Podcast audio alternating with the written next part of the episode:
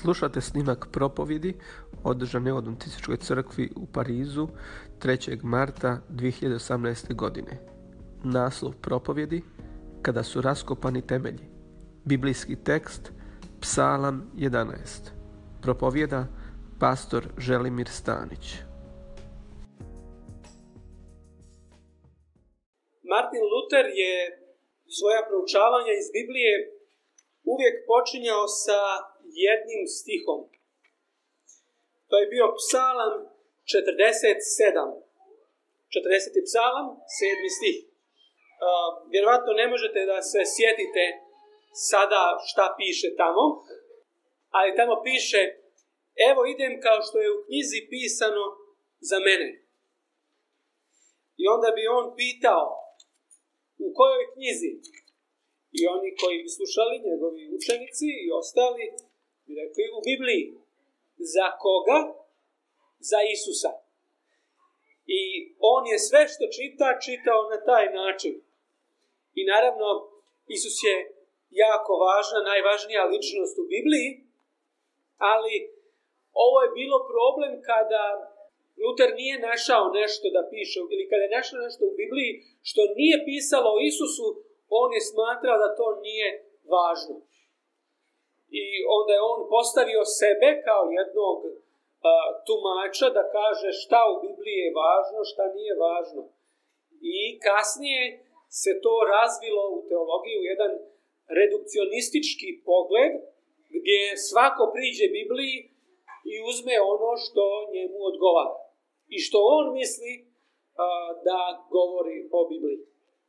Postoje dijelovi Biblije koje sam Luter nije htio da prizna, to je poznata činjenica o Jakovljevoj poslanici. A i mi svi sami imamo neke dijelove Biblije koje češće čitamo, više volimo, a postoje dijelove Biblije koje, kojima veoma malo obraćamo pažnju. A, ne znam kako je sa vama, ali psalmi su bili jedna biblijska knjiga koju dugo vremena nisam poklanjao pažnju kada bi kao dijete u porodici čitali psalam, ja nisam baš puno razumio. I sjećam se jednog, a, jedne godine kada je a, bilo svjetsko prvenstvo u futbalu u Americi, mislim da je to bilo 94. godine. U čitanju Biblije redom ja sam došao baš do psalama, a počinjao je futbal na televiziji i ja sam imao jako, jako problema da zapamt, zapamtim šta sam uopšte pročitao. I onda bi se pokušavao sjetiti bar naslova psalma i često nisam uspjevao. Ali kako je vrijeme prolazilo, psalmi su počeli da igraju mnogo važniju ulogu u mom duhovnom životu i iskustvu. I nisam jedini. Znam ljude koji su rekli da, a, da su imali slično iskustvo, a da Kasnije, kako su sazrijevali, da su u psalmima našli najviše snage i najviše koristi od skoro cijelog, cijelog svetoga pisma. Ne znam na što vas asocira riječ psalam kada je čujete, ali u naš jezik ona je došla iz stranog jezika, iz grčkog jezika i uh, ona označava pjesmu koja se a, izvodi uz pomoć nekog instrumenta. To je a, riječ psalmoji, to znači. I mi nismo našli neku drugu riječ, preuzeli smo tu riječ, iako na jevrejskom jeziku cijela knjiga psalama se naziva Sefer Tehilim ili knjiga hvale. Mada u samim psalmima nalazimo mnogo više sadržaja od same hvale, ali to je naslov ove knjige. Instrument e, uz koji se najčešće uz koji, uz koji su se najčešće e, svirali, e, svirali ili pjevali, izvodili ovi psalmi, je lira. Danas se govori o Davidovoj harfi, ja nisam muzikolog, ali stručnjaci kažu da je to bila lira, dakle nešto ma, mnogo manje nego harfa, bar ona klasična harfa koju vidimo da stoji, a u našem, u srpskom prevodu Daničić je preveo skroz suprotno. On je govorio o guslama. I ja ne znam da li znate kako gusle izgledaju, ali one nisu, one nisu blisko istočni jevrejski instrument. Mnogi tvrde u stvari da su psalmi najčitanija i najkorištenija biblijska knjiga i izvan uh, vjerskog miljeja. Postoje mnoge pjesme, mnoge svjetovne pjesme koje su uh, napisane na osnovu ovih, ovih tekstova. I vjerovatno je ta činjenica da su ljudi vijekovima u ovoj biblijskoj knjizi pronalazili uh, ista osjećanja, iste strahove i iste nade koje su oni sami imali. I bilo je zanimljivo za njih da oni povežu sebe sa tom drevnom biblijskom knjigom. Atanasij Aleksandrijski, jedan od e, o, biskupa rane crkve, je zapisao psalmi imaju jedinstveno mjesto u Bibliji, jer većina pisma se obraća nama, dok, dok psalmi govore za nas ili u naše ime. I ja danas neću kao inače imati a, prezentaciju a, putem koje ćete moći da gledate, Pa već bih vas pozvao da uzmete svoje Biblije i danas ćemo čitati jedan psalam i pokušat ćemo da razumijemo šta zaista u tom psalmu piše i kako on ima poruku za nas. Ali prije toga jedan kratki uvod u knjigu psalama. Vjerovatno znate da je ona, da su 150 psalama podijeljeni na pet knjiga. I da kao što imate pet knjiga Mojsivih, tako postoje pet knjiga cijelina u, u knjizi psalma. I svaka od ovih cijelina počinje sa idejom sličnom koju nalazimo u pet knjiga Mojsijevih. Naprimjer, prvi psalam, za njega se kaže da je to psalam drveta, jeli, čovjek koji vjeruje u Boga, on je kao drvo usađeno kraj vode. A prva knjiga Mojsijeva počinje ili govori o drvetu života. druga grupa psalama počinje psalmom 42, a to je psalam vode i on ima sličnosti sa drugom knjigom Mojsijevom, koja govori o prelasku preko Crvenog mora, koja govori o pustinji, koje je mjesto bez vode i o traženju vode jeli, koju su Izraelci željeli dok su hodali kroz pustinju. 73. psalam uh, je uh, prvi psalam ove treće grupe i on je sličan, paralelan sa trećom knjigom Mojsijevom koja govori o žrtvama koje su prinosile u svetinji, a 73. psalam je psalam svetinji, je tako? Kaže, umalo sam zaludio u svom duhovnom iskustvu dok nisam ušao gdje? U svetinju. Psalam 90 je psalam brojanja, kao što je četvrta knjiga Mojsijeva nazvana knjiga brojeva i 107. psalam je psalam ponavljanja, kao što je peta knjiga Mojsijeva knjiga ponavljanja. Psalmi postoje e, e, različite kategorije psalama i različiti tumači ih dijele u različite grupe, ali zasigurno da možemo prepoznati mesijanske psalme, psalme hvale, psalme hodočašća, psalme pokajanja, psalme u kojima se osoba žali ili tužbali se, a, lamenti. A, I danas ćemo čitati jedan od takvih psalama, 11. psalm. A, naslov koji pronalazimo u nekim e, prevodima kaže pritješnjen od svojih neprijatelja uzda se David u gospoda. To je pokušaj sumiranja ove poruke. A cijeli psalam kaže sljedeće. Čitat ćemo ga i čitajte ga vi na svojim prevodima. U gospoda se uzdam. Zašto govorite duši mojoj, leti u goru kao ptica? Jer evo, grešnici nategoše luk, zapeše strijelu svoju za tetivu, da iz mraka strijeljaju prave srce. Kada su raskopani temelji, šta će činiti pravednik? Gospod je u svetom dvoru svom, prijestoje gospodine nebesima, oči njegove gledaju, vjeđe njegove ispituju sinove čovječije. Gospod ispituje pravednoga, a bezbožnoga i kojemu je milo činiti zlo, ne navidi duša njegova. Pustit će na bezbožnike dažd od živoga ugljevlja, ognja i sumpora i ognjeni vjetar bit će im dio iz čaše. Jer je gospod pravedan, ljubi pravdu, lice će njegovo vidjeti pravednici. Dakle, ovo je jedna lična žalopojka ili jedna pjesma duhovna u kojoj autor, najvjerovatnije David, a, ni to nije uvijek a, e, sigurno zato što a, na jevrijskom jeziku kada piše da je nešto L David, e, može značiti za Davida ili od Davida. Tako da nalazimo psalme koje su pisane za njega, ali isto tako i od njega. I ovaj, te, ovaj tekst, ovaj psalam, ima sedam stihova. Prva tri stiha uh, govore o čovjeku. Čovjek govore o svojoj situaciji.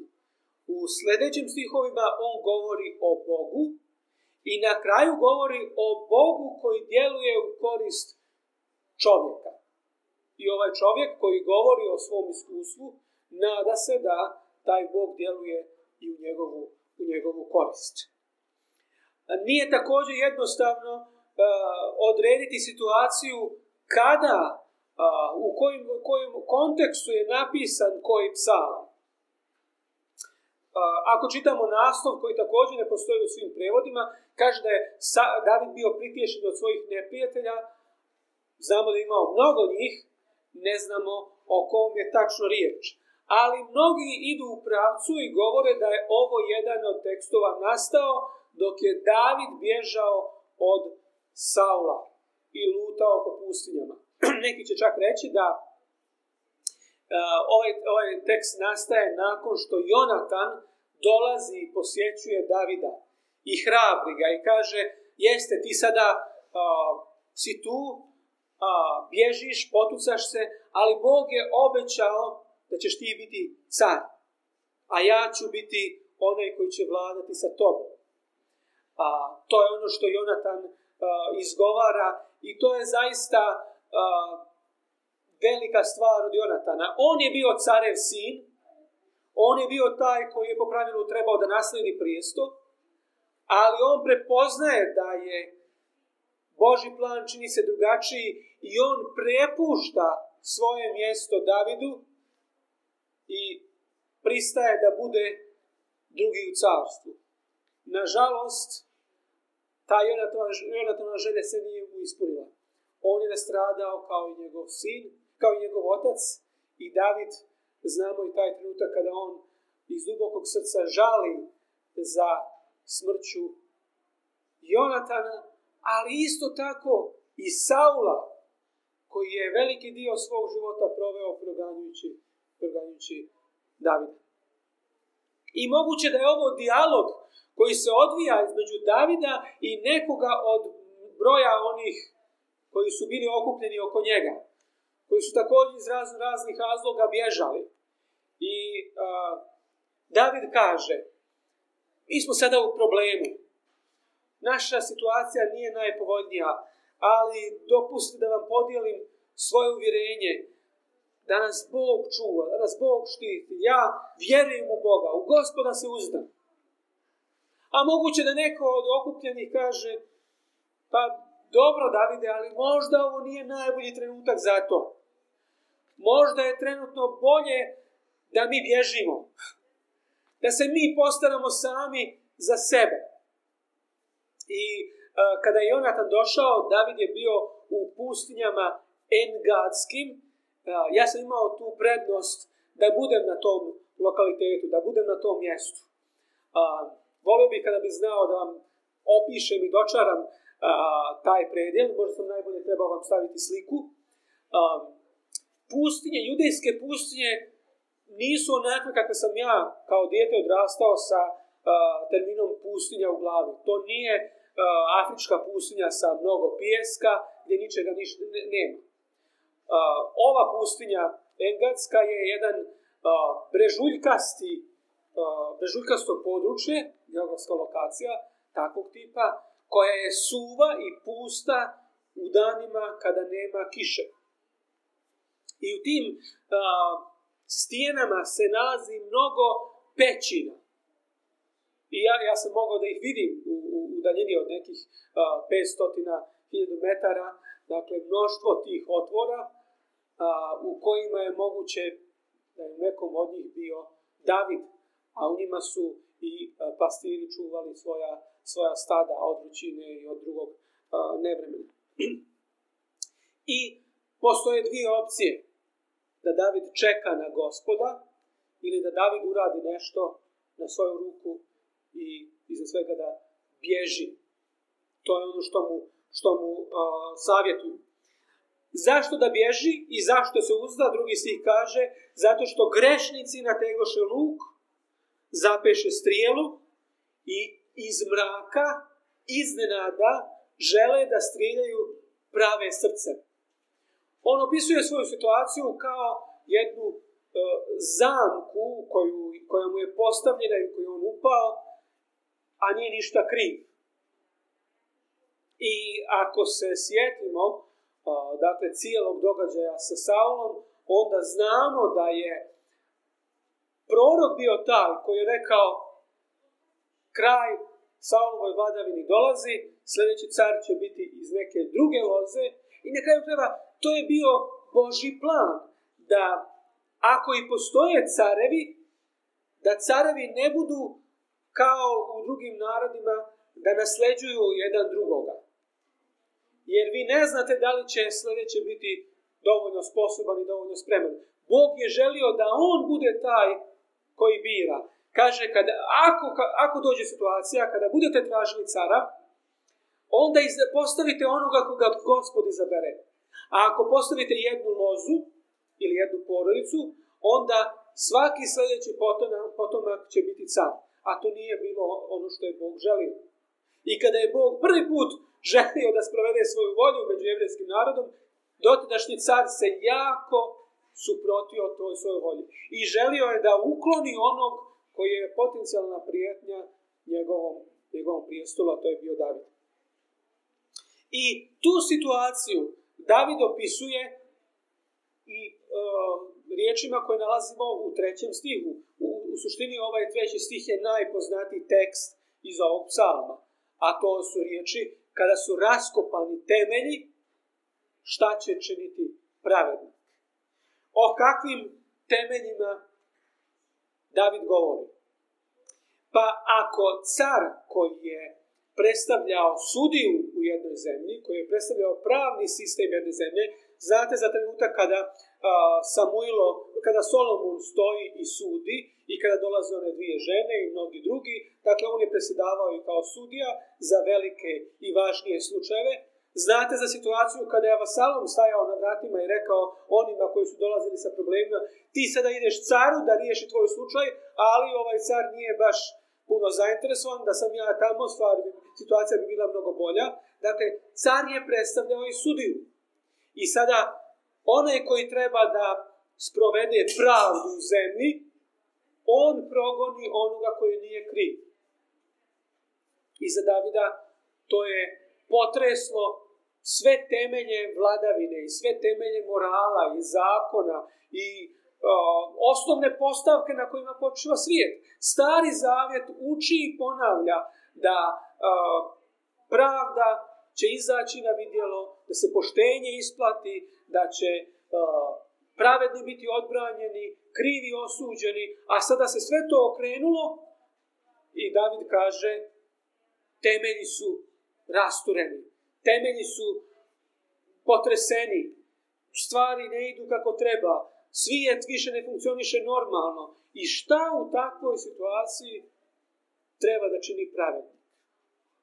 Zanimljivo je da i um, sam termin pravednik ne znači ono što mu mi često pridajemo značenje. David ovde ovaj termin pripisuje za sebe. A mi znamo da je bilo trenutaka kada ni on sam nije bio pravedan. Šta više, Bog ovaj termin primjenjuje za Davida. I Bog Davida uzima kao idealnog cara i sve sledeće careve on mjeri na osnovu Davida i kaže Ovaj je bio dobar zato što je hodio kao sluga moj David, a ovaj nije bio dobar zato što nije hodio kao sluga moj David. Neko je brojao i računao ljude, koliko je ljudi koje je David pobio. Samo one koje je zapisano. Ne one gde je pisao da je otišao u rat, pa ne znamo šta se tamo desilo. I naš došao je do prilično impresivne brojke. ipak, Biblija je i tako ličnost uspijeva da nazove pravednikom. I nas time izaziva da mi dovedemo u pitanje svoj koncept pravde i svoj koncept pravednika i svih sličnih vrijednosti. Biblija kaže, pravednik ako i sedam puta padne, ustaće. Pa za Bibliju je uobičajena stvar da pravednik padne. On ima cilj kome teži, on ima pravac u kome, kome ide, ali normalno je i zaočekivati je da će pravednik u tom trenutku napraviti, napraviti neku grešku. I ono što Bog želi je naš smijeh. Bog želi da ljudi budu okrenuti ka njemu, da hode ka njemu, Vjerovatno će se na tom trenutku i na tom, na tom putu i na tom hodu desiti svašta, ali Bog želi da nastavimo hodati prema njemu. Postoji suprotna situacija gdje su ljudi usmjereni u drugom pravcu, a izjašnjavaju se kao Boži sledbenici. To su oni koje opisuje kao a,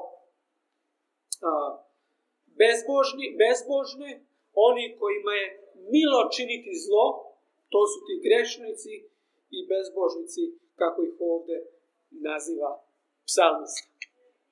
Dakle, temelji su raskopani. Situacija je izmakla kontrolu.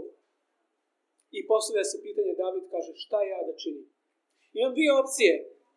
Imam mogućnost da čekam da Bog napravi određenu promjenu u mom životu i imam mogućnost da ja uzmem stvari u svoje ruke. Običani blagoslovi za pobožni život ne dolaze. Poštenje čini se da se ne isplati u ovom trenutku. I tu su mnogi koji ga hrabre, koji kažu, pa Davide, vrijeme je da ti nešto uradiš za sebe. Šta ćeš učiniti ti koji vjeruješ Bogu kada stvari ne idu onako kako bi trebalo da se odvijaju? Čini mi se da ovdje jedan broj nas, počeš od mene, često padne.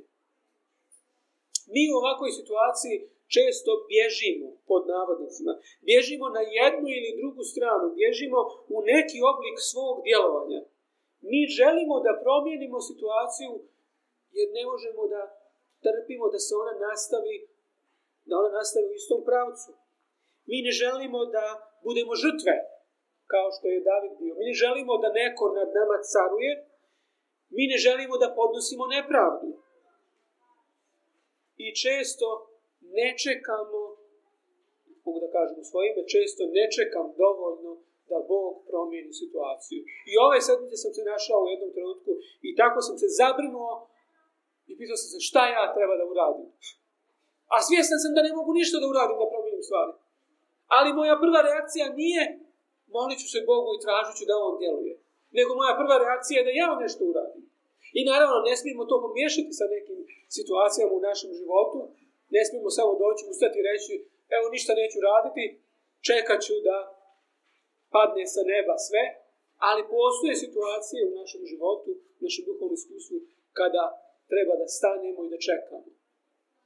I pitanje je da li možemo da prepoznamo i da napravimo razliku između tih trenutaka. Mi često uzimamo pravdu u svoje ruke, a ta pravda onda najčešće se pretvara u nepravdu za nekoga drugog. David jednostavno pita, hoće li pravednik održati svoje povjerenje u Boga i onda kada je ono dovedeno u pitanje. Kada situacija u tvom životu krene pogrešnim pravcem ili drugačiji, možeš li i dalje održati uvjerenje da je gospod u svetom dvoru svom, da je prijesto gospodine nebesima, da oči njegove gledaju, da vjeđe njegove ispituju. Četvrti i peti stih u stvari sadrže terminologiju suda.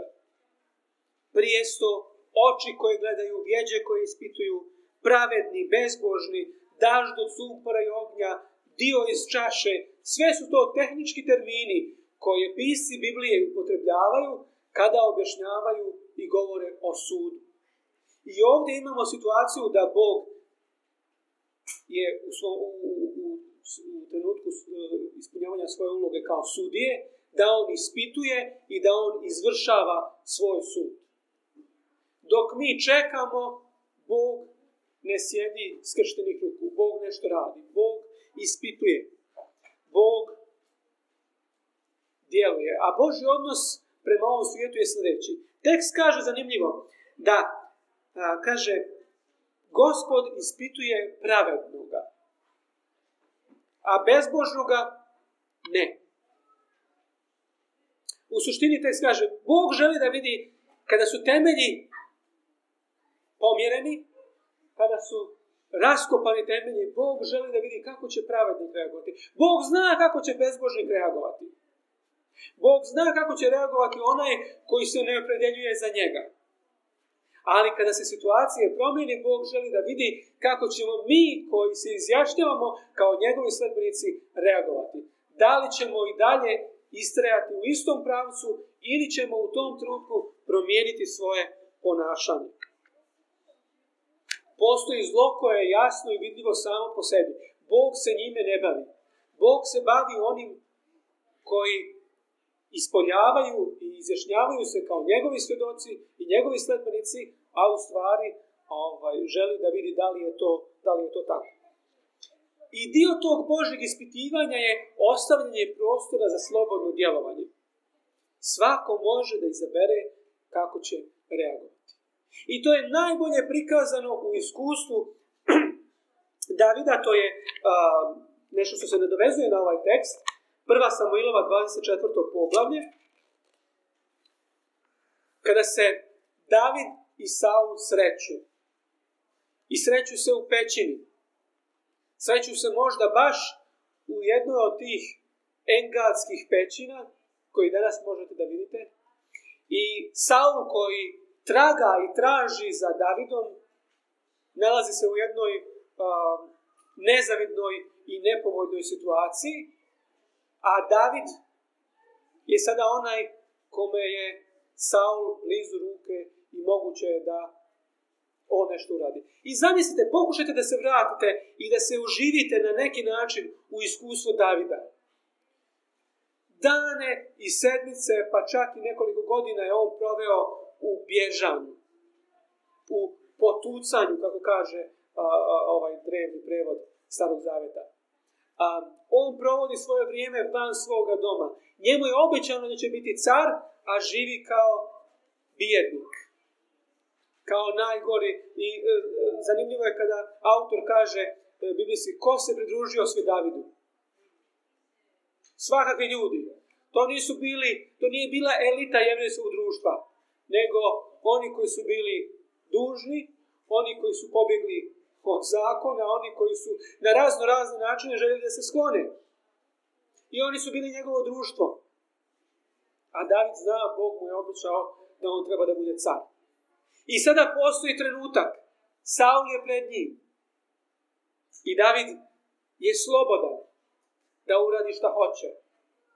Bog je dao prostor i Saulu i Davidu i želi da vidi šta će uraditi. Saula smo videli šta će uraditi. On je svoje vrijeme iskoristio na taj način da progoni Davida. I sada David ima priliku da bude Saul. I Saul stoji u čošku pećine, David, je pre, e, David stoji u čošku pećine, a Saul je pred njim. Davidova ruka je na maču, a glas sa strane kaže Božja volja se najzad ispunila. Zanimljivo je kako mi volimo sve da povežemo sa Bogom, pogotovo ono što ide nama na ruku. Njegovi saradnici kažu, evo dana za koji ti je rekao gospod, da će ti dati u ruke neprijatelje tvoje. Uzmi mač. U drugoj situaciji njegov, njegov general kaže, dopusti mi samo jednom, samo jednom da ga provodem, neću više. Pa više i ne treba. I David drži da ruku na mač e, i razmišlja šta da uradi. I vi znate da on pruža mač, odsjeca dio plašta samo da bi imao kao dokaz da pokaže Saulu gdje je bio i kako su blizu bili. Ali on kaže ne. U gospoda se uzna. Ja ću čekati Božje djelovanje. Bog je obećao i Bog će uraditi. Doće trenutak kada će Bog učiniti i promijeniti situaciju Ne želim ja taj da budem koji će to činiti. Ja ne želim da naučim Saulove puteve.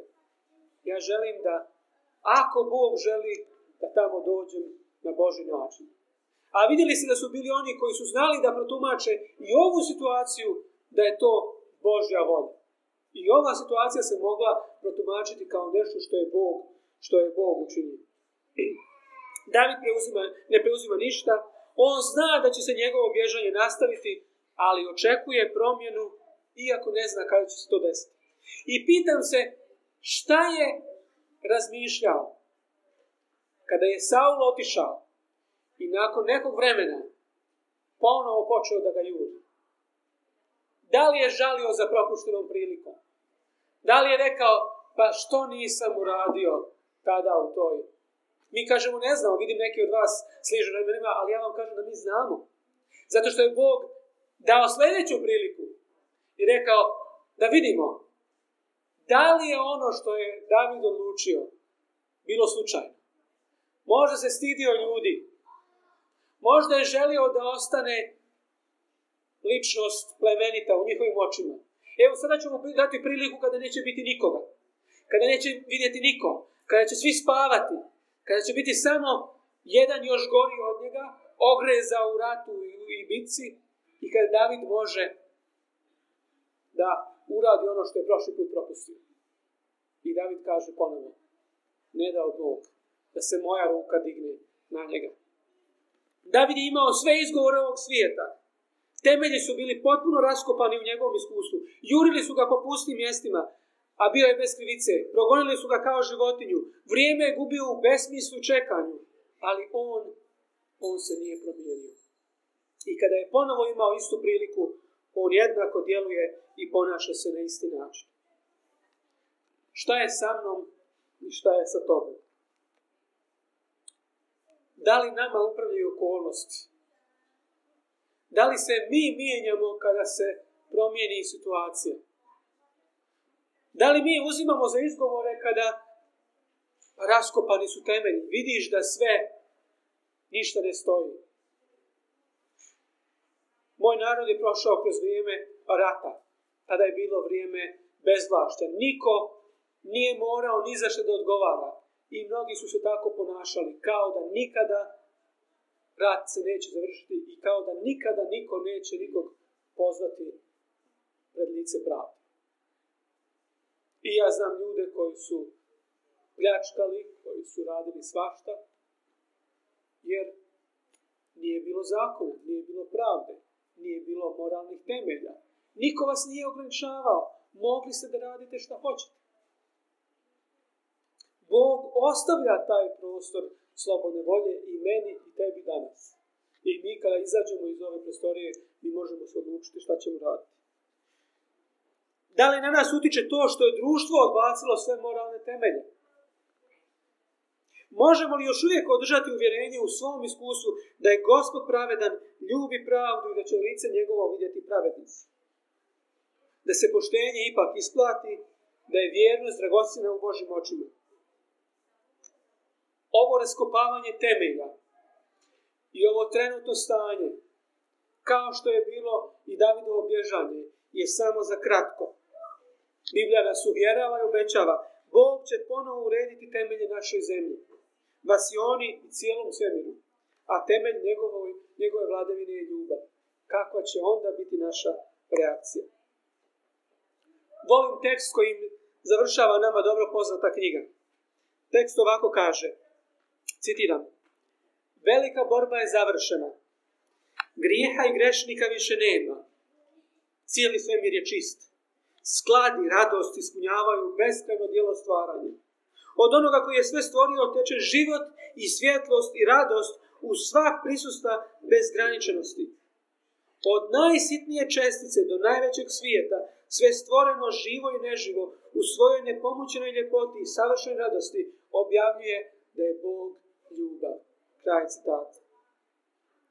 Kada Bog to učini, onda će biti lako da budemo još jedan od glasova u nizu koji će objavljivati ovu istinu, koji će reći da jeste Bog je ljubav. Kada to budemo doživjeli, mi nećemo moći čutati. Mi ćemo pjevati i možda će naše slavnje i naša pjesma i naše slavljenje Bogu promijeniti se u odnosu na ovo danas. Ali Bog nas poziva danas da se čuje naš glas. Danas dok postoje sumnje. Danas, dok postoje pitanja, pa čak i kada nemamo sve odgovore na sva pitanja, čak i kada se temelji klimaju, čak i kada u svojoj sredini i kada tamo gdje nismo očekivali vidimo da temelji ne stoje. I veoma često je ovo izgovor mnogima, pa zar ne vidiš šta je uradio ovaj, zar ne vidiš šta se rade ovi. I danas imamo mnoštvo mogućnosti da sve te informacije tako brzo prolaze i da to bude naš izgovor ili naš odgovor ili bar naša tema koju ćemo stalno se vrtiti i ponavljati. Ali Bog nas uvjerava da se glas koji govori da je Bog ljubav najjasnije i najbolje čuje u trenucima kada su raskopani temelji. Kada ne moramo. Kada se ljudi pitaju, a zašto ti to kad sve govori suprotno? ili kada nam bar izgleda tako. Iako sami sebi često izgledamo nebitni i nevažni, svako od nas vrši uticaj. Posljedno pitanje kakav će tvoj i moj uticaj da bude. Koliko god sitan, koliko god neznatan bio. Da li će naš glas i naša odluka, naš stav biti u gospoda se uzdam? Ili će naš savjet i drugima, a i sebi biti bježi, leti u goru kao ptica, pronađi neki način, uzmi stvari u svoje ruke. Ko zna, ko zna da li će se to ikada ostvariti. Draga braćo i sestre, Psalam 11.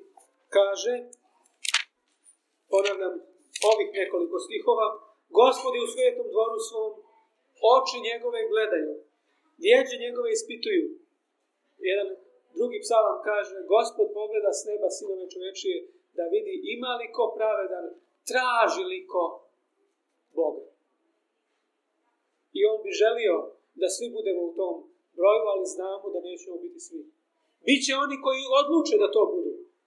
Bog ostavlja slobodan prostor. I na osnovu našeg, naše upotrebe tog slobodnog prostora, on će donijeti zaključak o nama neka naš odgovor, naš stav, naša molitva i naše iskustvo bude kao Davidovo. Neka naš odgovor bude u gospoda suzdan. Iako trenutno nemate sve odgovore, iako trenutno možda prolazite kroz neku vama samopoznatu krizu, iako trenutno možda samo vi znate šta vas to muči u srcu, ali ipak stavite osmijeh Jer ne mislite da je trenutak, ne mislite da je prilika da to podijelite s drugima. Neka svako od nas nađe sigurnost i osnovu i spasenje i utjehu u istini da Bog, bez obzira na potresanje temelja, još uvijek drži sve stvari u svojoj ruci.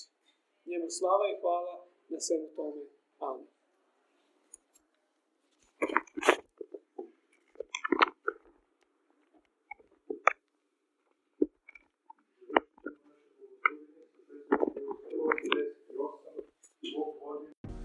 Slušali ste snimak propovjedi održane u Hrišćanskoj adventističkoj crkvi u Parizu 3. marta 2018. godine, kada su raskupani temelji. Psalam 11. Pastor Želimir Stanić.